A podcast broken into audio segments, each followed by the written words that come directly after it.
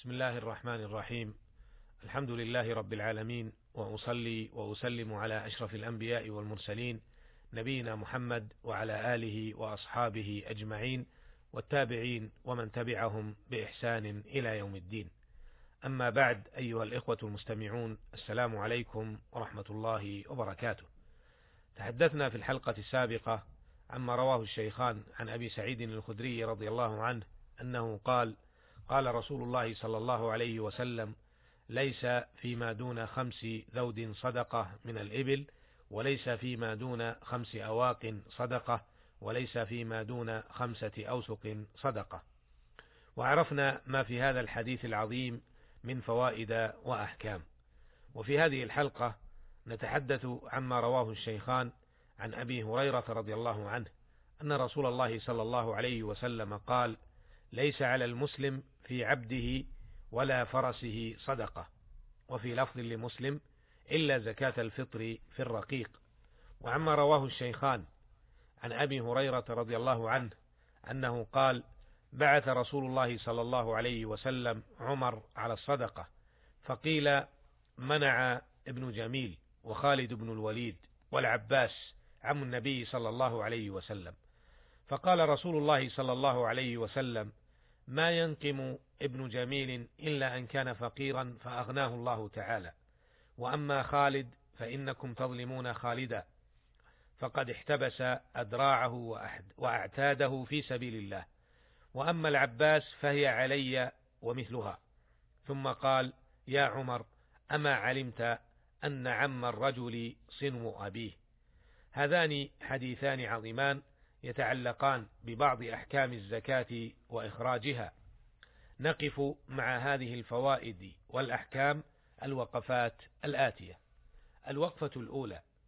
دل الحديث دل حديث أبي هريرة رضي الله عنه أن الزكاة لا تجب في العبد المعدي للخدمة والعمل ولا تجب كذلك في الفرس المعدة للركوب والاستعمال. قال ابن حجر رحمه الله معلقا على تبويب البخاري لهذا الحديث إذ لا خلاف في ذلك في العبد المتصرف والفرس في العبد المتصرف والفرس المعد للركوب ولا خلاف أيضا أنها لا تؤخذ من الرقاب وإنما قال بعض الكوفيين يؤخذ منها بالقيمة ولعل البخاري أشار إلى حديث علي مرفوعا قد عفوت عن الخيل والرقيق فهاتوا صدقة الرقة. والحديث أخرجه أبو داود وغيره وإسناده حسن. والخلاف في ذلك عن أبي حنيفة رحمه الله إذا كانت الخيل ذكرانا أو إنا وإناثا نظرا إلى النسل فإذا انفردت فعنه, فعنه روايتان. ثم عنده أن المالك يتخير بين أن يخرج عن كل فرس دينارا أو يقوم ويخرج ربع العشر. واستدل عليه واستدل عليه بهذا الحديث. وأجيب بحمل النفي فيه على الرقبة لا على القيمة. واستدل به من قال من أهل الظاهر بعدم وجوب الزكاة فيهما مطلقا ولو كان للتجارة. وأجيب بأن زكاة التجارة ثابتة بالإجماع كما نقله ابن المنذر وغيره فيخص به عموم هذا الحديث. انتهى كلامه رحمه الله. ومن هذا نعلم أن الرقيق والفرس المعدين للخدمة لا زكاة فيهما. أما إذا أعدا للتجارة فهما كسائر العروض التجارية ففيهما الزكاة. الوقفة الثانية. دل حديث أبي هريرة الأول رضي الله عنه في رواية مسلم رحمه الله على أن زكاة الفطر واجبة على العبد سواء كان للخدمة أو التجارة. قال صلى الله عليه وسلم كما في رواية مسلم إلا زكاة الفطر في الرقيق. الوقفة الثالثة. استنبط بعض أهل العلم من هذا الحديث أن كل ما أعد للاستعمال والاقتناء كالبيت المسكون والأقمشة الملبوسة والسيارة, والسيارة التي تستعمل وغيرها لا تجب فيه الزكاة لأنها مبنية على المساواة وإذا لم ينمى المال أكلته الزكاة فيتضرر صاحبه. وهذا المأخذ من هذا الحديث مأخذ جيد يدل على مراعاة هذا الدين لأحوال الناس سواء كانوا أغنياء أو فقراء. الوقفة الرابعة. جاء في حديث أبي هريرة الثاني قوله ما ينقم منا ابن جميل إلا أن كان آه، غنيا فقيرا فأغناه الله. قوله ينقم بكسر القاف ومعناه ما ينكر وهو ذم له.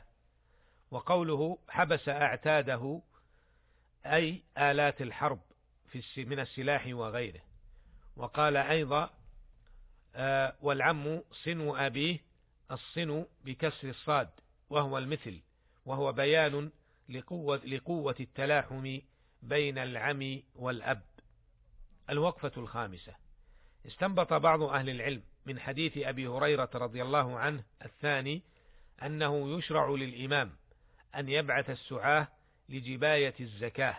ففي هذا الحديث يخبر أبو هريرة رضي الله عنه أن رسول الله صلى الله عليه وسلم بعث عمر بن الخطاب ليجبي الزكاة.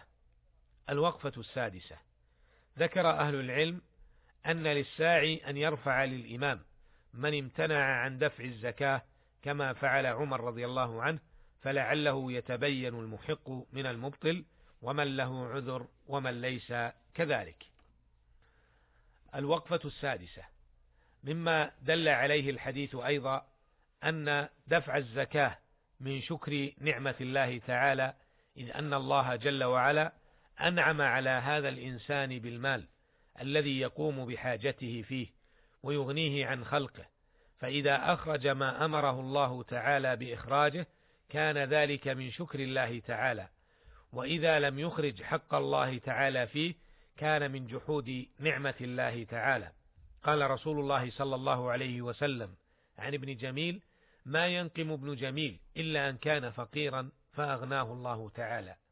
أي فليس له من العذر في منعها إلا أن كان فقيرا فأغناه الله تعالى فقابل نعمة الله كفرا وشكره نكرا. ولذا من القبيح فعله أن يجحد العبد نعمة ربه عليه. الوقفة السابعة. مما دل عليه الحديث أن الأشياء التي توقف في سبيل الله تعالى بأي نوع من أنواع الأموال من السيارات أو البنايات وغيرها وكذلك الأشياء المعدة للاستعمال مثل السيارة المعدة للاستعمال والثوب الملبوس والبيت المسكون وما يؤكل وغيره فلا زكاة فيه بخلاف ما أعد للتجارة أو الإيجار ونحوه. الوقفة الثامنة. مما يدل عليه الحديث أيضا عظم منزلة العم وأن له حقا كبيرا. يتمثل هذا الحق في صلته وفي الإحسان إليه بالقول والفعل وفي الدفاع عن عرضه وغير ذلك من أنواع الإحسان. أسأل الله تعالى أن يرزقنا العلم النافع والعمل الصالح وأن يعلمنا ما ينفعنا وأن ينفعنا بما علمنا إنه سميع مجيب وهو المستعان. وإلى اللقاء في الحلقة القادمة إن شاء الله. والسلام عليكم ورحمة الله وبركاته.